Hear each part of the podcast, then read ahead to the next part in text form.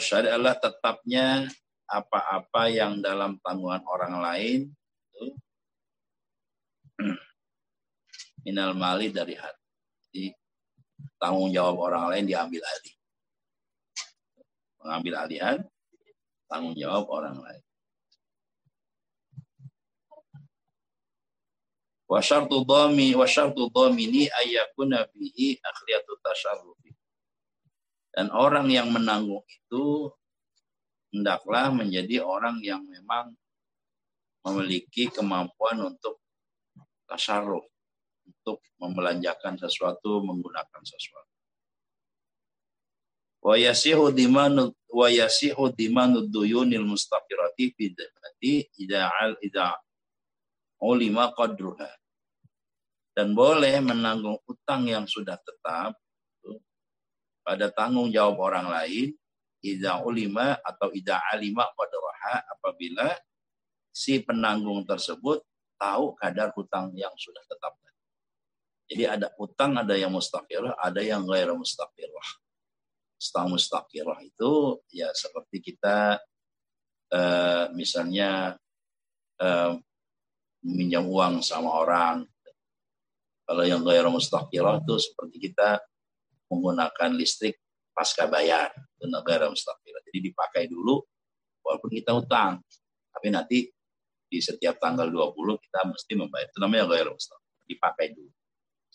Kalau yang mustaqirah, yang kali mustaqirah adalah uh, manfaatnya dipakai setelah barangnya, hutangnya diserah terima. Dan Wataqidu bil mustaqarati dan ukuran yang mengikat dengan ustang yang mustaqar itu yashkulu alaihi syihatu dimanis sadaqi. Sihatu dimanis sadaqi. Itu menjadi sulit ketika menanggung tentang mas kawin qobla dukhuli sebelum seorang pasangan suami istri bersetubuh. Seorang suami kan kalau bersetubuh itu wajib mengeluarkan mas kawin. Nah, pertanyaannya bagaimana kalau dia menikah tapi belum bersetubuh? Apakah mas kawin itu masih menjadi tanggungan dia atau bagaimana? Ini belum bersetubuh. Hina. Maka kalau orang yang belum bersetubuh, maka mas kawin itu belum mustakir namanya. Belum tetap menjadi tanggungan dia. Walihada dan karena itu lam bil rafi'u wa nawawiyu maka dari itu hal-hal seperti ini seperti kewajiban memberikan mas kawin sebelum persetubuhan terjadi itu tidak dijadikan ibarat untuk masalah pertanggungan utang ini oleh Imam Rafi'i dan Imam Nawawi. Illa kau illa kaunad kaunadina illa kaunadini sabitan lazim kecuali memang hutangnya itu sudah menjadi sabit tetap laziman dan wajib. Jadi kalau orang pasangan suami istri menikah, kalau belum bersetubuh maka dia belum punya kewajiban untuk memberikan mas kawin seorang suami. Wa kharaja biqaulihi dan dikeluarkan dengan ucapan pengarang kitab ini idza alima qadraha idza alima qadraha kata-kata idza alima qadraha Bagaimana kalau seandainya orang yang menanggung hutang itu tidak tahu kadar hutangnya, hutang yang mesti ditanggung. Apa itu aduyunul majhulatu, hutang-hutang yang tidak diketahui. Fala yasihu dimanuha, maka tidak sah. Seorang menanggung hutang seseorang, tapi hutangnya masih majhul, belum diketahui. Banyak sedikitnya jenisnya. Kama sayati dan sebagaimana nanti kita akan. Wali sahibil haqqi, maka bagi pemilik piutang, adin, adain, orang yang memiliki hutang, mutalabatu man sya'a min dhamini wal madmuni, maka dia boleh itu menagih hutangnya kepada orang yang menanggung atau orang yang ditanggung. Boleh dia. Wa huwa man ala hidainu wal admamun adalah orang yang memiliki hutang. Boleh. Kepada orang yang berhutang langsung dia tagih boleh. Kepada orang yang menanggung hutang orang ini dia boleh menagih orang yang punya piutang tadi. Bisyartil madhkuri dengan syarat-syarat yang akan disebutkan fi qawlihi dalam ucapan musannif idza kana dimanu wal qada'u apabila itu pertanggungjawaban wal qada'u dan penunaian ay kullan ay kullu minhuma bi sesuai izinnya ayal madmun anhu izin orang yang ditanggung. Kalau kata orang yang ditanggung utangnya ya tagih kepada yang menanggung saja. Misalnya ada seorang anak berutang kepada seorang oleh oleh anak ini tagih ke bapak saya saja. Maka bapaknya itu sesuai dengan petunjuk orang yang punya utang tadi, anak tadi, maka si pemilik piutang menagih kepada bapak anak tersebut. Seperti itu. Boleh memilih.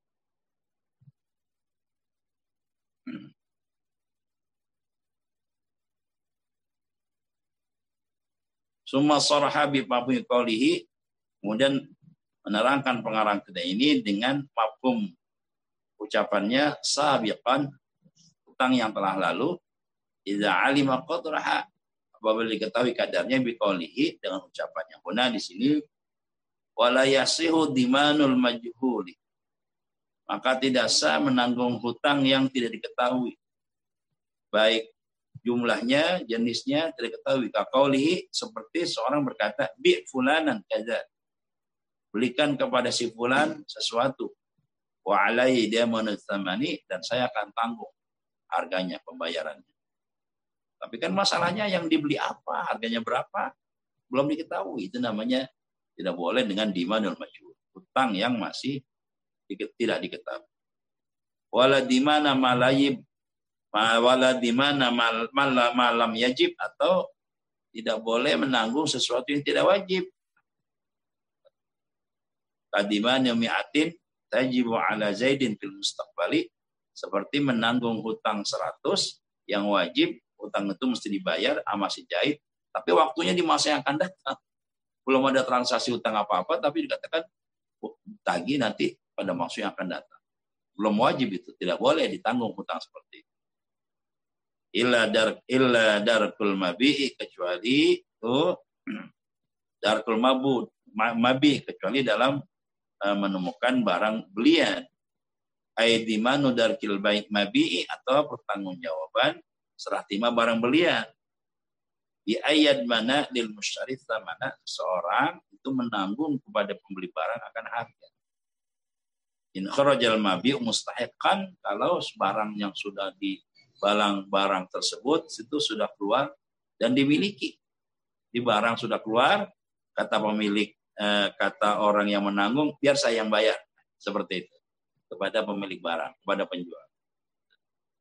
Pembelinya sudah keluar, tapi kata yang menanggung, nanti saya yang bayar. Nah, itu sering terjadi begitu.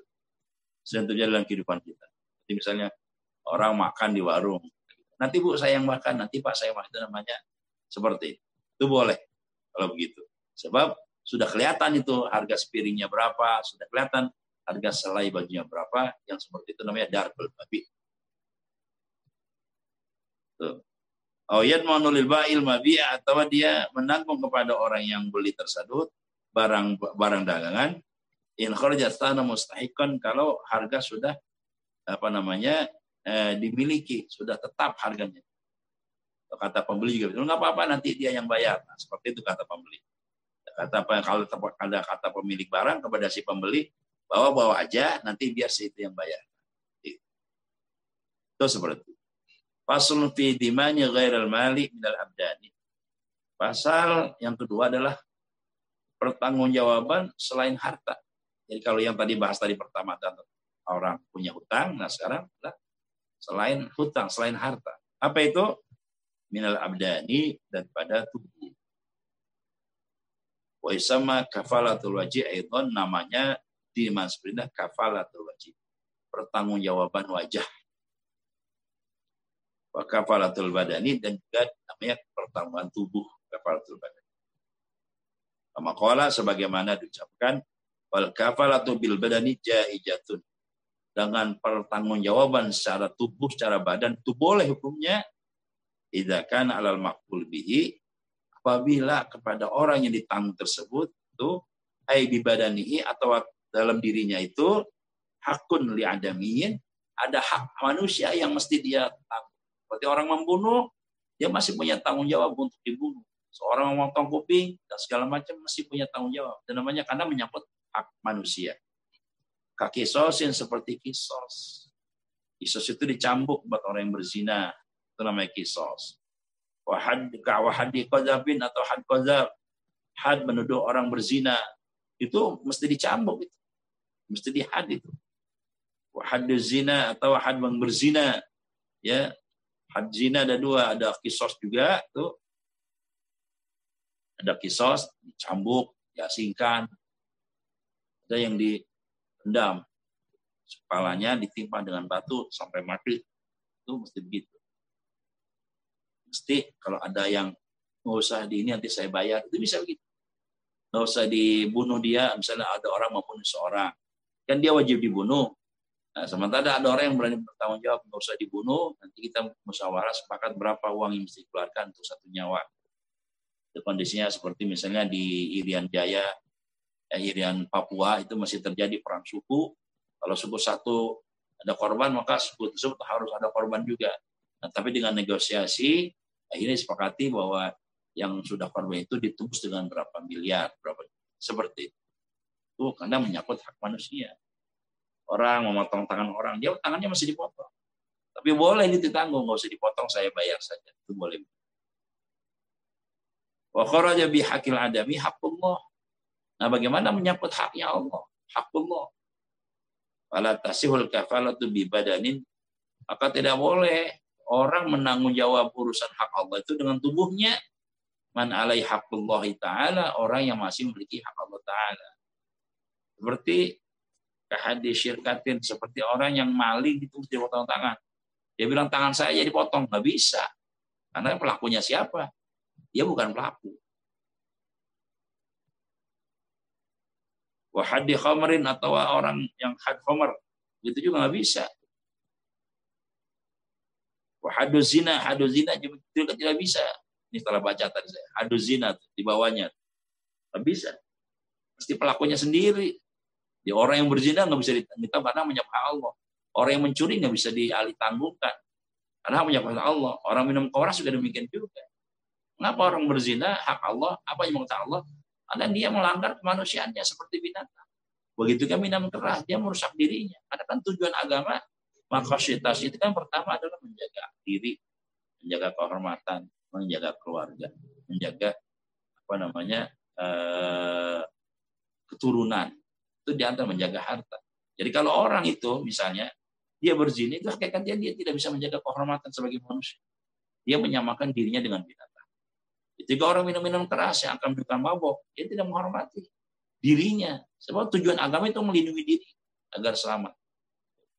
Jika seperti mencuri, dia tidak menghargai kehormatan orang lain, harta orang lain, karena tujuan makosyara itu adalah di antara menjungi, menjungi nyawa dan harta manusia.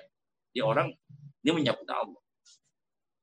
Ya berol kabilu maka berlaku bebas itu tanggung jawab di taslimil makuli ibadahnya dengan menyerahkan orang yang ditanggung ibadahnya dalam tubuhnya dimakan taslimi dalam tempat penyerahan. Jadi ada tempat serah terima antara orang yang menanggung dengan orang yang ditanggung tuh bila hailin tanpa ada penghalang. Dan maksudnya tidak ada penghalang. Yang makulau anhu tuh yang akan uh, mencegah orang yang masih memiliki tanggung jawab tuh anhu darinya. Wa amma ma'wujudil haidi fala yabrul kafiru. Maka kalau seandainya masih ada penghalang, masih ada orang yang menghalangi, maka proses pertanggungjawaban itu tidak sah. Karena masih ada yang masih ada yang keberatan, nggak bisa. Nggak bisa. Saya mau misalnya satu nyawa, misalnya 15 miliar. Nggak itu saya nggak mau. Dia mesti dibunuh. ini masih ada hail kalau masih ada hambatan. Nggak bisa. Nah, ini menyangkut kisos ada qadar. Sampai di sini wallahu a'lam Nanti kalau ada pertanyaan, ya, adik-adik itu bisa di WA.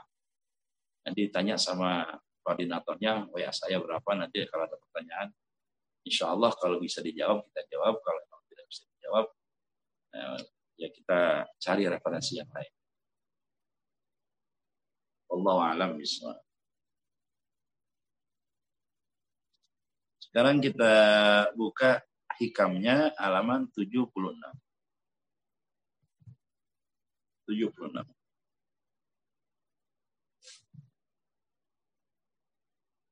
Al-arifu la yajulu ittiraru. Orang-orang arif billah. Orang-orang yang hatinya sudah tercerahkan dengan nur Allah subhanahu wa ta'ala orang-orang yang sudah tingkat keyakinannya tinggi kepada Allah Subhanahu wa taala dalam bahasa lain itu para aulia, para wali.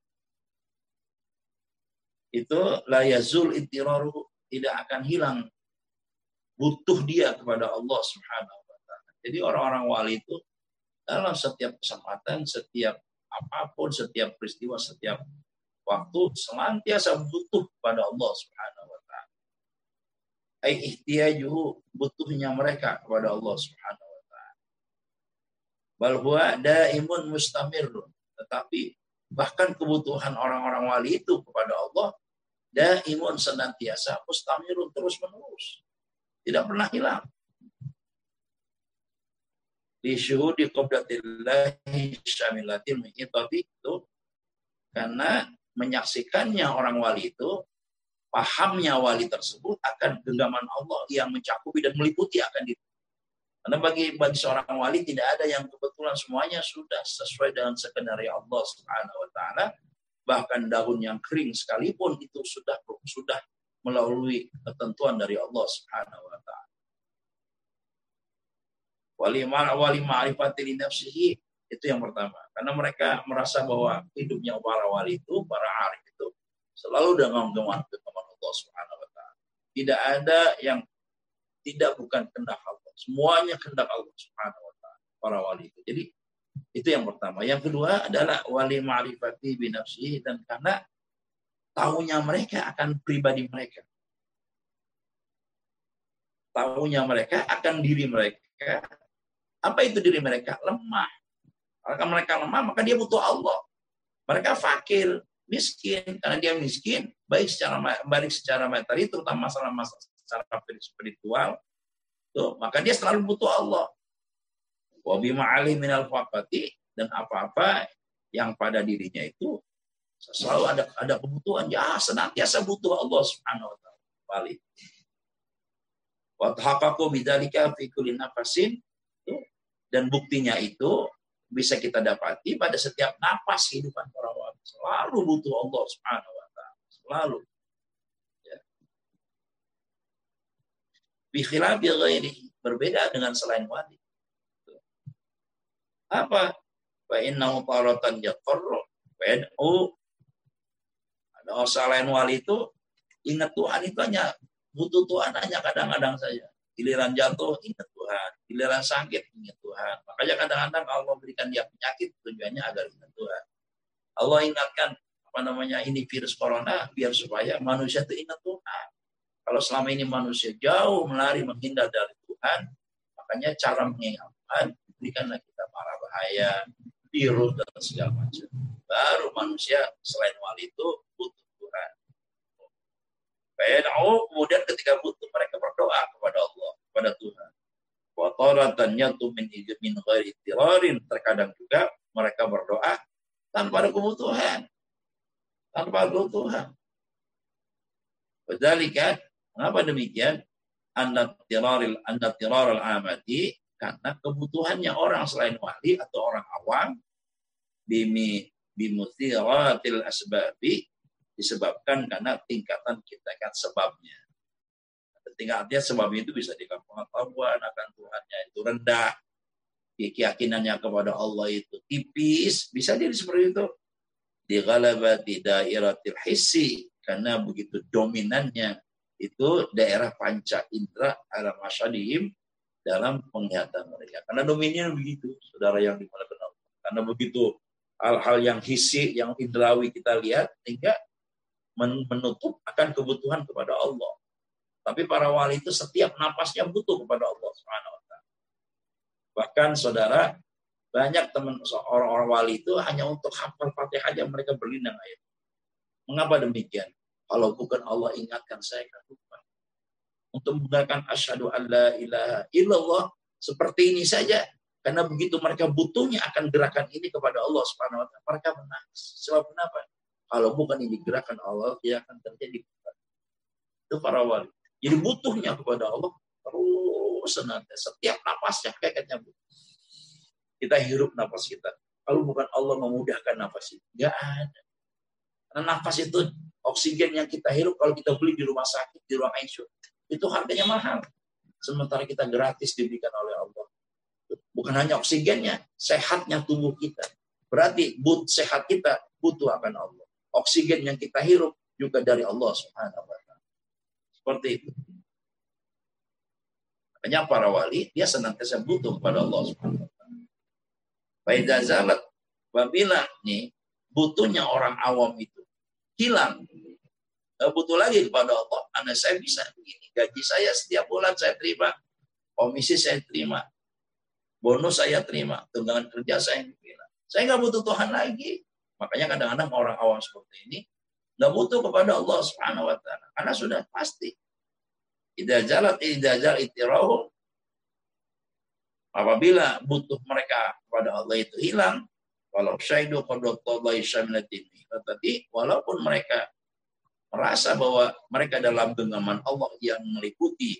Nah, dan uh, mengelilingi ta'alimu tuh kalau seandainya mereka menyaksikan bahwa mereka itu hidup dalam genggaman Allah Subhanahu wa taala ta'alimu mereka akan tahu minallahi ta'ala daimun maka kebutuhan mereka kepada Allah akan senantiasa akan apa yang kita apa yang kita kita buat sendiri? Nggak ada semuanya diberikan oleh Allah Subhanahu wa taala. Nggak bisa kita diri di sini. Siapa kita? Nggak ada nilainya, saudara. Kita meninggal dunia seperti meninggalnya kucing, nggak ada yang mengenal. Kalau kita sudah berkeluarga, keluarga, istri yang kita tinggalkan akan hidup dengan akan hidup dengan semestinya. Anak-anak yang kita tinggalkan kan ada bagiannya dan mereka akan hidup as usual seperti biasa. Maka dari itu kita harus beryakin bahwa kita itu butuh kepada Allah Subhanahu wa taala setiap saat, setiap kondisi, apa pun saatnya, apa pun kondisi. Wala yakunu dan orang-orang alim itu ya itu tidak akan jauh, tidak akan berpaling posisinya di hadapan Allah Subhanahu wa taala. Nantiasa butuh kepada Allah. Ailayar kanu tidak merasa tenang, tidak merasa tenang, wala yastadinu biqalbi li ghairillah dan tidak dan hatinya tidak akan bersandar kecuali kepada Allah Subhanahu wa taala. Itu ciri-ciri wali. Dan itu tidak ditentukan oleh pakaian, tidak ditentukan oleh omongan, tidak ditentukan oleh performa, jabatan dan segala macam. Orang-orang ini, orang-orang ini termasuk orang-orang yang mendapatkan futuh dari Allah Subhanahu wa taala. Syaratnya satu, harus istiqomah. Harus istiqomah alladzina jahadu fi sabilillah karena dia nahum subulana kata Allah. Orang-orang yang sungguh-sungguh di jalan Allah Subhanahu wa taala. Jadi orang jujur jadi orang baik jadi orang santun. Istiqomah di jalan Allah maka ketemu hal seperti Sodakoh istiqomah. Ahlul Quran baca Quran istiqomah. Tahajud istiqomah. Istiqomah di jalan Allah maka akan timbul perasaan seperti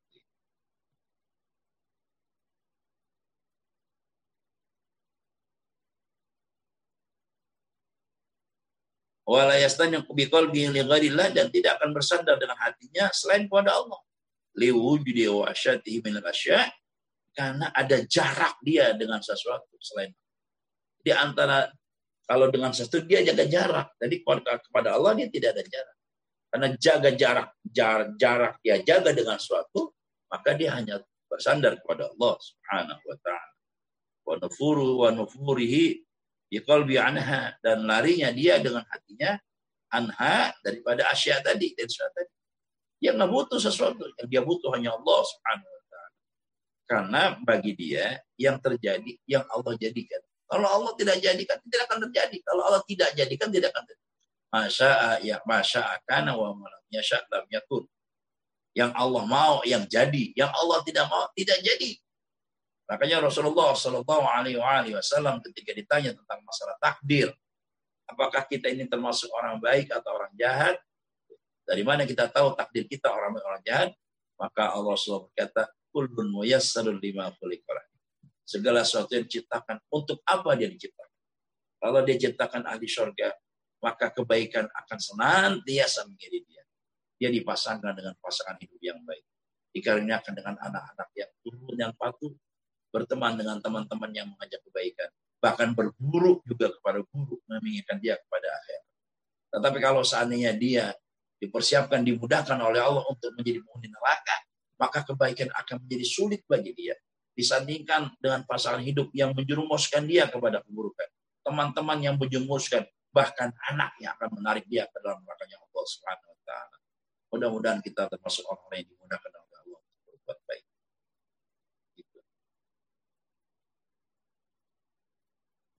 Faka'anna yahu faka'annahu yaqul seakan-akan pengarang kita berkata inna ma taqaddama minal istishasi. Inna ma taqaddama minal istishasi minal khalqi. Sesungguhnya apa-apa yang telah lalu daripada jarak yang jauh dengan makhluk wantila kilisan bitolab dan uh, lidah senantiasa menuntut tuh tiada jadi bahwa menjauh dari makhluk dan lisan selalu berucap untuk meminta kepada Allah na'tani min nutul arifin. Dua sifat dari sifat yang pertama wali itu adalah gak butuh akan dunia gak butuh akan makhluk. Dia jaga dirinya dengan makhluk. Dia bersihkan hatinya dari kotoran-kotoran. Yang kedua adalah yang mau yang bukan Allah Subhanahu wa taala apa itu? Intilak tulisan bitalab dia tidak meminta dengan lidahnya dengan. Cukup yang Allah berikan saja. Itu dua ciri-ciri apa namanya para wan. Ini bukan urusannya kita tidak tidak boleh meminta kepada makhluk bukan. Kalau urusan muasyarah pergaulan ya boleh-boleh saja. Artinya kalaupun itu tidak diberikan, tuh kita jadi tidak menderita. Allah Subhanahu wa taala berfirman dalam Al-Qur'an itu, "Wa ma asabaka min musibatin fil ardi wala fi anfusikum." Apa-apa yang menesibah, menimpa musibah. Bil ardi wala fi anfusikum. Dalam kehidupan dalam muka bumi ini wala fi anfusikum maupun pada diri kalian illa fi kitabin min qabli an Semuanya ditulis oleh Allah Subhanahu wa taala. Rezeki kita berapa? Ditulis. Ajal kita berapa? Umur kita? Ditulis oleh Allah. Min qabli an sebelum kita diciptakan oleh Allah Subhanahu wa taala. Inna dzalika Allah yasir, yang demikian itu mudah bagi Allah Subhanahu kaila ta'saw ala ma fatakum wala tafru'i ma atakum. Tujuannya satu. Agar tidak putus asa dari yang hilang dari diri kita dan tidak gembira apa yang datang dari kita. Jadi orang juhud itu kata Imam Ahmad bin Hambal adalah la tafrah bima atak wala tahzan bima fata. Tidak gembira dengan yang datang, tidak bersedih dengan yang hilang. Itu, itu orang-orang arif alamnya. Anara dhawahira. Allah Subhanahu wa taala menyinari hal-hal yang tampak. Apa itu hal yang tampak? Ai minal mukawwanati daripada ciptaan-ciptaan Allah minas samawati wal aradin itu daripada langit dan bumi ai ja'alaha muniratan Allah jadikan semuanya itu bercahaya. Dengan apa bercahayanya? Bi anwari asari dengan cahaya-cahaya pengaruh sifat-sifat Allah Subhanahu wa taala. Ai ausafihi pengaruh sifat-sifat Allah Subhanahu wa taala. Ai bi anwaril kawakibi. Misalnya apa namanya? Semuanya bisa dilihat dengan cahaya-cahaya bintang min syamsin dari matahari wa qamarin dari bulan wa nujumin dan dari bintang allati hiya asarun li ausofihi itu yang merupakan pengaruh daripada sifat-sifat Allah min kudratin walidatin daripada kudrah yang datang ghairihima dan lain sebagainya dari keduanya. Jadi semuanya itu kalau nggak ada cahaya matahari kita nggak bisa lihat. Perempuan yang cantik, walaupun dia berdandan, tapi nggak ada cahaya, nggak bisa dilihat. Ya. Duit, 100 ribu, 50 ribu. Nggak ada cahaya, kamu bisa dilihat. Nah, bisa dilihatnya itu adalah karena pengaruh dari sifat-sifat Allah yang kita bisa lihat daripada sinar matahari, bulan, dan bintang. Fatil zahiru maka yang zahir-zahir tersebut sorot maksufatan menjadi kelihatan lana bagi kita di anwaril kawakibi dengan cahaya-cahaya matahari, bintang dan bulan tadi. Wahina izin dan tatkala mereka bisa dilihat, narol mukawanati kita bisa melihat itu ciptaan Allah Subhanahu wa taala. Ciptaan Allah Subhanahu wa taala. Wa na'khudhu minha ma yanfa' dan kita bisa mengambil sesuatu yang bermanfaat wa nahtarizu amma yadurru dan kita bisa menjaga dari apa-apa yang menimbulkan bahaya. Kita bisa lihat kalau misalnya kita lagi jalan dalam suasana gelap, kita bisa tersandung ada lubang. Nah, dengan adanya matahari, lubang itu jadi kelihatan. Dalam malam misalnya, kita tersandung dengan adanya misalnya duri. Nah, ketika ada cahaya bulan, kita bisa hindari. Semuanya itu adalah pengaruh daripada sifat Allah melalui ciptaan-ciptaannya. Wa Nah, sekarang tadi yang yang zohir. Yang sekarang yang yang sir bagaimana? Dan percaya perkara-perkara yang sir, yang rahasia. Jamu sirrin, jamak dari sir. Wahwa batinil qalbi. Maksudnya yang batin dari hati kita, yang rahasia, kama marah. Di anwari. Dengan cahaya sifat Allah juga. Tetapi hal ini lebih spiritual. Ay bil ulumil wal irfaniyah. Dengan ilmu tuh al-irfaniyah yang bersifat irfani, ilmu ma'rifat dari Allah. An-nasyiat an-nasyiati an tajali yang muncul dari penampakan sifat-sifat Allah Subhanahu wa. Kalau yang kalau yang kalau orang yang cahayanya yang batinnya itu tersinari dengan ma'rifat kepada Allah, dengan cahaya yang muncul dari munculnya sifat-sifat Allah Subhanahu wa taala ala qulubil arifin pada hatinya orang-orang yang arif. Kalau batil kal sarairu ay saril arifin, maka kalau sudah tersinari dengan cahaya dari Allah, hidayah, putuh, nur, makrifat dari Allah Subhanahu wa taala, sorot maksufatan. Maka hati yang tadinya terbungkus dengan kegelapan akan menjadi maksufah terbuka. Lahum bagi mereka, bagaimana terbukanya? Di anwaril ulumi wal ma'arifi dengan cahaya ilmu dan ma'rifat. An-nasyatu an awsabihi subhanahu wa ta'ala yang muncul dari sifat-sifat Allah yang maha suci. Aitajalliyah artinya kemunculan sifat-sifat Allah ala kulubihim pada hatinya orang-orang yang ahli. Jadi kalau misalnya mata benda yang tadinya tidak kelihatan karena gelap bisa kita lihat karena sinar matahari yang tadinya tertutup, yang tadinya maghmud menjadi maksyuf, yang tutup jadi terbuka juga hati. Hati itu kalau sudah kena ma'rifat, nur, putuh, hidayah dari Allah Subhanahu wa taala. Yang tadinya tertutup bisa terbuka. Banyak kita saksikan orang-orang ahlul masyarakat ketika hati dapat hidayah dari Allah Subhanahu wa taala, Saudara, dia menjadi wali. Ibrahim dan Ham. Demikian, anak seorang raja. Sukanya maksiat. Tapi ketika dibuka futuh hatinya oleh Allah Subhanahu wa taala, semuanya terbuka. Dengan apa terbukanya? Dengan al-ulum al-faniyah. Ilmu ma'rifat dari Allah Subhanahu wa taala.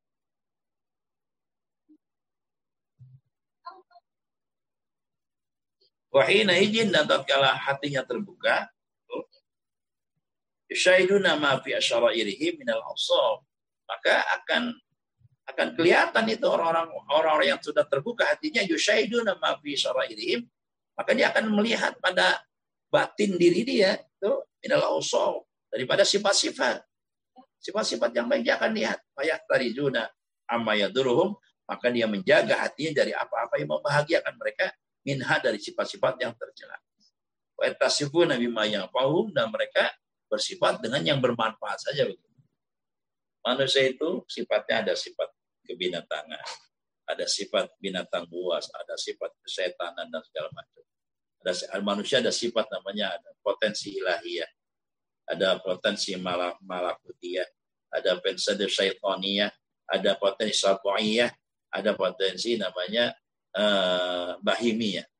Jadi kalau orang-orang yang hatinya tersinari maka dalam dirinya dia bisa bedakan mana bisikan bahimiyah yang binatang, mana binatang buas, mana yang setan, mana yang malaikat, mana yang bisikan dari Allah Subhanahu wa taala. Kalau orang hatinya sudah tersinari, maka yang dominan lebih bisikan dari Allah dan bisikan Allah. Dalam kitab yang lain Usul Arba'in, Al-Imam Al-Ghazali mengatakan bahwa pada pergaulan yang paling dasar kita harus mengenal diri. Di dalam diri kita itu ada potensi akal, ada potensi estetan, dan hawa nafsu.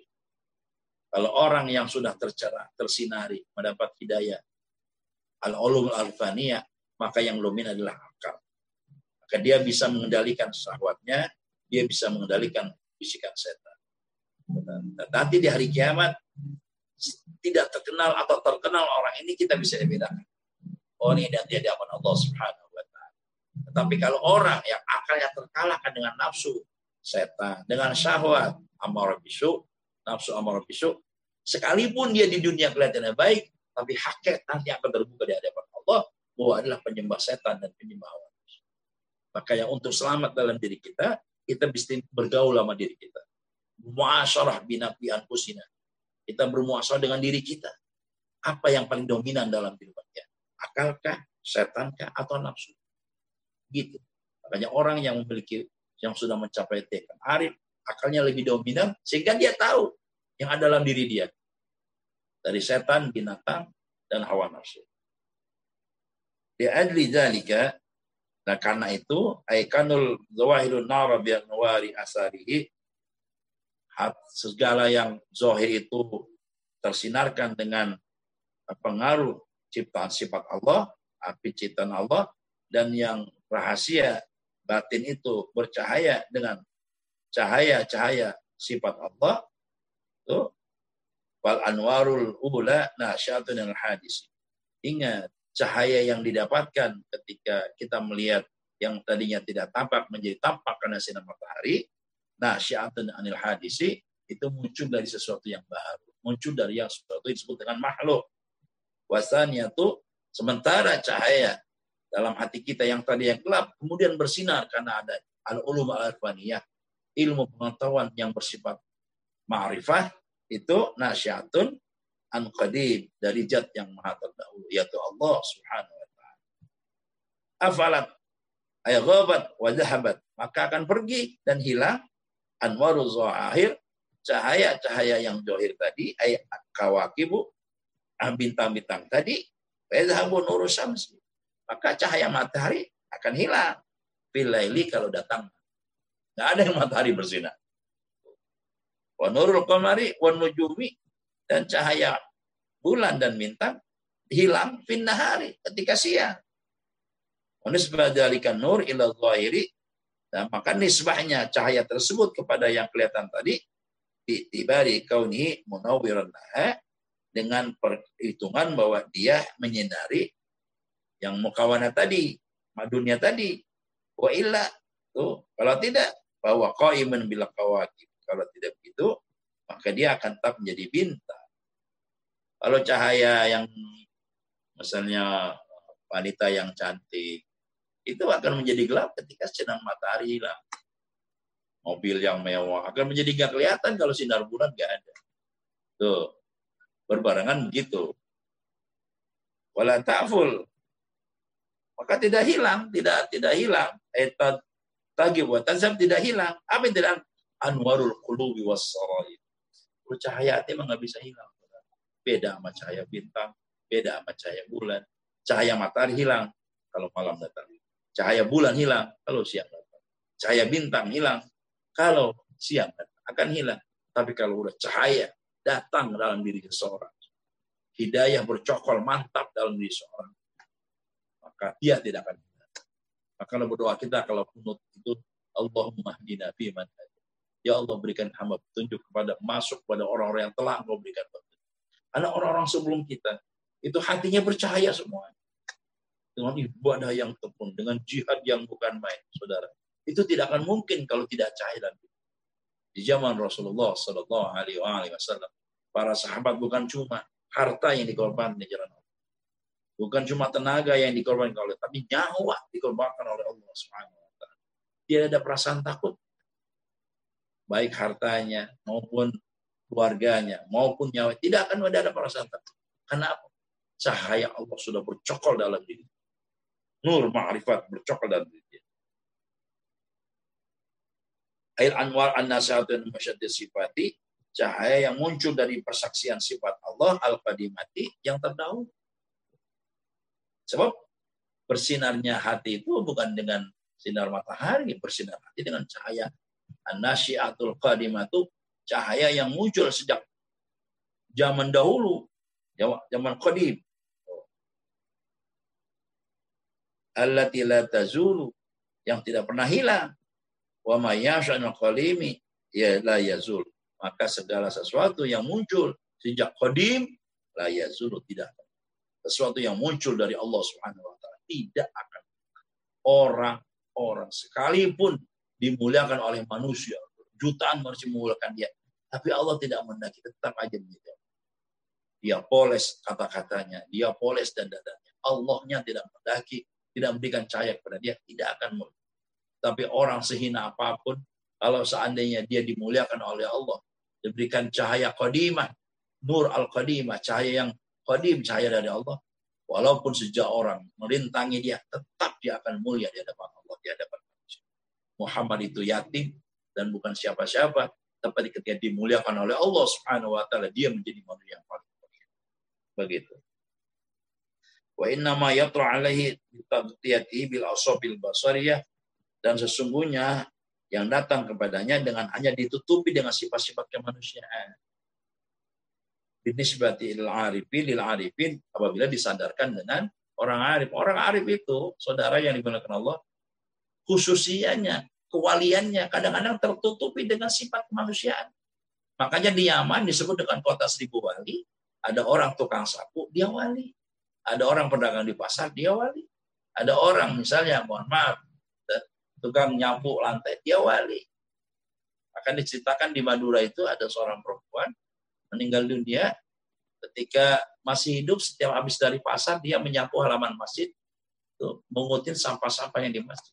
Dilarang oleh masyarakat setempat, bahkan oleh ketua masjid, dia tidak mau. Dia berbisik kepada ketua masjid, tolong rahasia ini dijaga kalau saya sudah. Tapi ketika dia meninggal dunia, wangi dia punya jasad, wangi, ceria, bersinar dia punya wajah. Ketika malam tahlil yang pertama, baru ketua masjid berkata, mengapa dia tidak mau dilarang untuk menyapu sampah yang ada di depan masjid. Kata ibu almarhumah ini, dia berkata, setiap sampah yang diambil, dia berselawat kepada baginda Rasulullah Jadi banyak orang-orang yang seperti ini tertutup kualiannya yang muncul hanya basariahnya saja. Karena hal ini tidak bisa direkayasa. Orang sehina apa pun kalau dapat hidayah dari Allah, bisa jadi orang itu lebih mulia. Makanya pantangan kita dalam beragama adalah jangan meremehkan orang sehina apa pun dia. Karena bisa jadi atas kehendak Allah dia yang lebih dimuliakan oleh Allah dibanding. Itu bukan berarti kita berhenti berbuat baik, tidak. Tetapi rahasia Allah memang seperti itu. Jangan meremehkan kebaikan. Bisa jadi ketika kita meremehkan kebaikan, kita dapat kehilangan. Apa itu? ridho Allah. Jangan meremehkan kemaksiatan sekecil apa pun. Ketika kita meremehkan sekecil apa pun kemaksiatan itu, dan itu kita lakukan, kita mendapat kemudian mendapat murka dari Allah Subhanahu wa taala.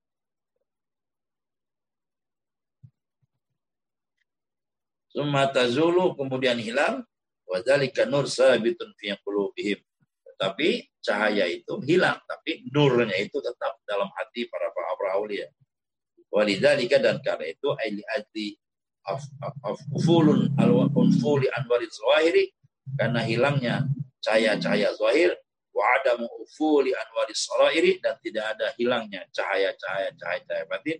Kila berkata ayqala syair inna syamsan inna syamsan nari tagrubu billahi.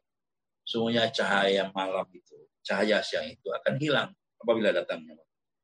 Ay wa idza gharabat daba dawha apabila terbenam itu matahari hilang cahayanya kata saya kosum sulkubub tapi cahaya yang ada dalam hati nggak akan hilang. Nggak akan hilang. Dia tetap bercokol dalam hati orang. Bahwa baitu muduri nisbahul ya ini adalah bait bait mudur. Di dalam ilmu namanya bahar tawil. Dalam ilmu arud wa qablahu dan sebelumnya. Tolat samsun man bilailin. Nah, akan akan bersinar matahari orang yang suka dengan malam. Tolaba samsun man ahabba. Tola'at samsun man ahabba billah. Fastada'at. Maka muncul muncul matahari buat orang yang suka malam, fastadoat maka akan bersinar, pamalah amin guru. Maka kalau cahayanya orang-orang yang mendapatkan nur cahaya dari Allah, pamalah amin Wa hadza tanbihun ala anal umur al baqiyana ala anal umur al ya jadi kita dan sebuah peringatan bahwa perkara-perkara perkara-perkara yang abadi dan kekal ia allati yang bagi antaghbita biha. Yang demikian adalah sesuatu yang wajib kita inginkan. Wa yafrahu bi husuniha dan kita gembira apabila kita memperolehnya. Wa ya'tana bi tarbiyatiha dan harus kita konsentrasi untuk merawatnya wa mura'atu halaha dan senantiasa menjaga kondisinya senantiasa. Jadi kalau misalnya ada cahaya dalam, dalam diri kita itu mesti dijaga. Allah gerakkan kita menjadi orang yang ahli ibadah. Itu mesti dijaga. Ahli tahajud mesti dijaga. Ahli Quran mesti dijaga. Ahli sedekah mesti dijaga. Ahli syirik orang yang jujur mesti dijaga. Mesti dijaga.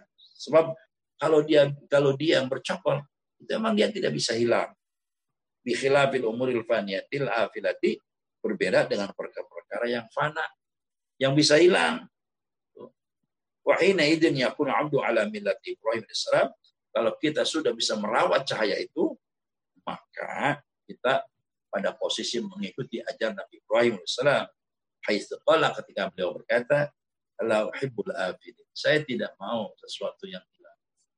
Apa itu ketika Ibrahim melihat bintang bintang redup. La uhibbul Ketika melihat bulan, dia katakan buntang redup, ini bukan Tuhan saya. Ketika melihat matahari, atau matahari besar dia berkata hada akbar. Ini lebih besar. Ini pasti Tuhan. Ketika matahari tenggelam, dia berkata ini Tuhan saya. Ini bukan Tuhan saya karena Tuhan saya tidak redup. Itu namanya Ibrahim sudah mendapatkan kutub nur al-ma'arif al-ilfaniyah ilmu ma'rifat dari Allah Subhanahu wa taala.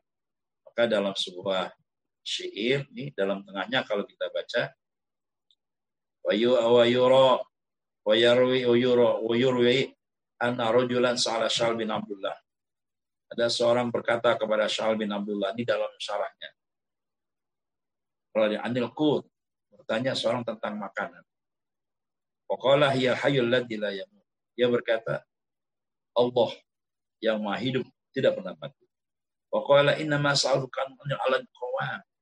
Aku bertanya kepada engkau hai Sya'ab bin Abdullah tentang qawam, bisa berdiri tegak. Ah, waqala al-qawam wa al-ilm. Untuk berdiri tegak harus punya ilmu. Waqala inna ma sa'alukan anil. Aku berkata tentang makanan. Waqala wa al-dzikr. Al-ghadha makanan adalah zikir kepada Allah. Waqala ma inna ma ta'mil jasad. Aku bertanya kepada tentang makanan tubuh. Faqala malaka walil jasad. Apa urusan Anda tentang tubuh? Dah man tawalla. Tinggalkan orang yang menanggung. Aula yatawalla akhar atau orang yang tidak menanggung yang lain. Idza dakhalta alaihi illatan illatun kalau masuk kepadanya satu penyakit. Orang ila sanihi kalau Anda kelaparan balikkan kepada Allah menciptakan penyakit. Amara ah idza ayibda raddaha ila saniha tuh Anda tidak akan tuh, apa pun yang Anda lihat dari perbuatan apabila Anda kembalikan kepada Allah Subhanahu wa hatta yusliha sampai Allah memperbaiki. Ya khadimal jismi, wahai budak, budak-budak tubuh. Orang-orang yang merawat tubuhnya seperti dibudak, diperbudak oleh tubuhnya. Kam taskali khidmatihi berapa berapa banyak Anda berita untuk mengurus itu. Kurang cantik dikasih pemutih, kurang gemuk diminum obat terus, masih kurus pengen gemuk minum obat gemuk, masya Allah. Kurang menor dimenorin lagi, subhanallah. Otot lo fi mafi khusran. Anda mencari keuntungan padahal di dalamnya banyak kerugian. Akbil ala nafsi. Konsentrasilah terhadap diri Anda. Fastakmil fadailah sempurnakanlah tuh kemuliaan tubuh wa anta bin nafsi. Anda itu jadi manusia. Karena diri Anda labil jismi insan. Anda jadi manusia karena kualitas diri Anda, bukan tubuh Anda. Wallahu a'lam Mudah-mudahan kita bisa melihat pada al-hadiniyah al-fatihah. أعوذ بالله من الشيطان الرجيم بسم الله الحمد لله رب العالمين إياك نعبد وإياك نستعين. صراط الذين أنعمت اللهم انفعنا بما علمتنا وعلمنا ما ينفعنا زدنا الله شاهدنا الله نزلنا الله نجد الله معنا الله قريب منا وشاشر معنا ذلك. وشاشر معنا ذلك. وشاشر اللهم إنا نسألك رحمة ورحمة المرسلين وإلهام الملائكة المقربين. اللهم أغننا بالعلم والزينة وجمعنا بالعافية اللهم اصرف عنا البلاء والبلاء والبلاء والأمر والطاعون والصبر والطائفة والزلازل والمهنة والمهن من بين الصخاص المسلمين عامة برحمتك يا أرحم الراحمين ربنا تقبل منا إنك أنت السميع العليم تب علينا إنك أنت التواب الرحيم ربنا آتنا في الدنيا حسنة وفي الآخرة حسنة وقنا عذاب النار الحمد لله رب العالمين Assalamualaikum warahmatullahi wabarakatuh.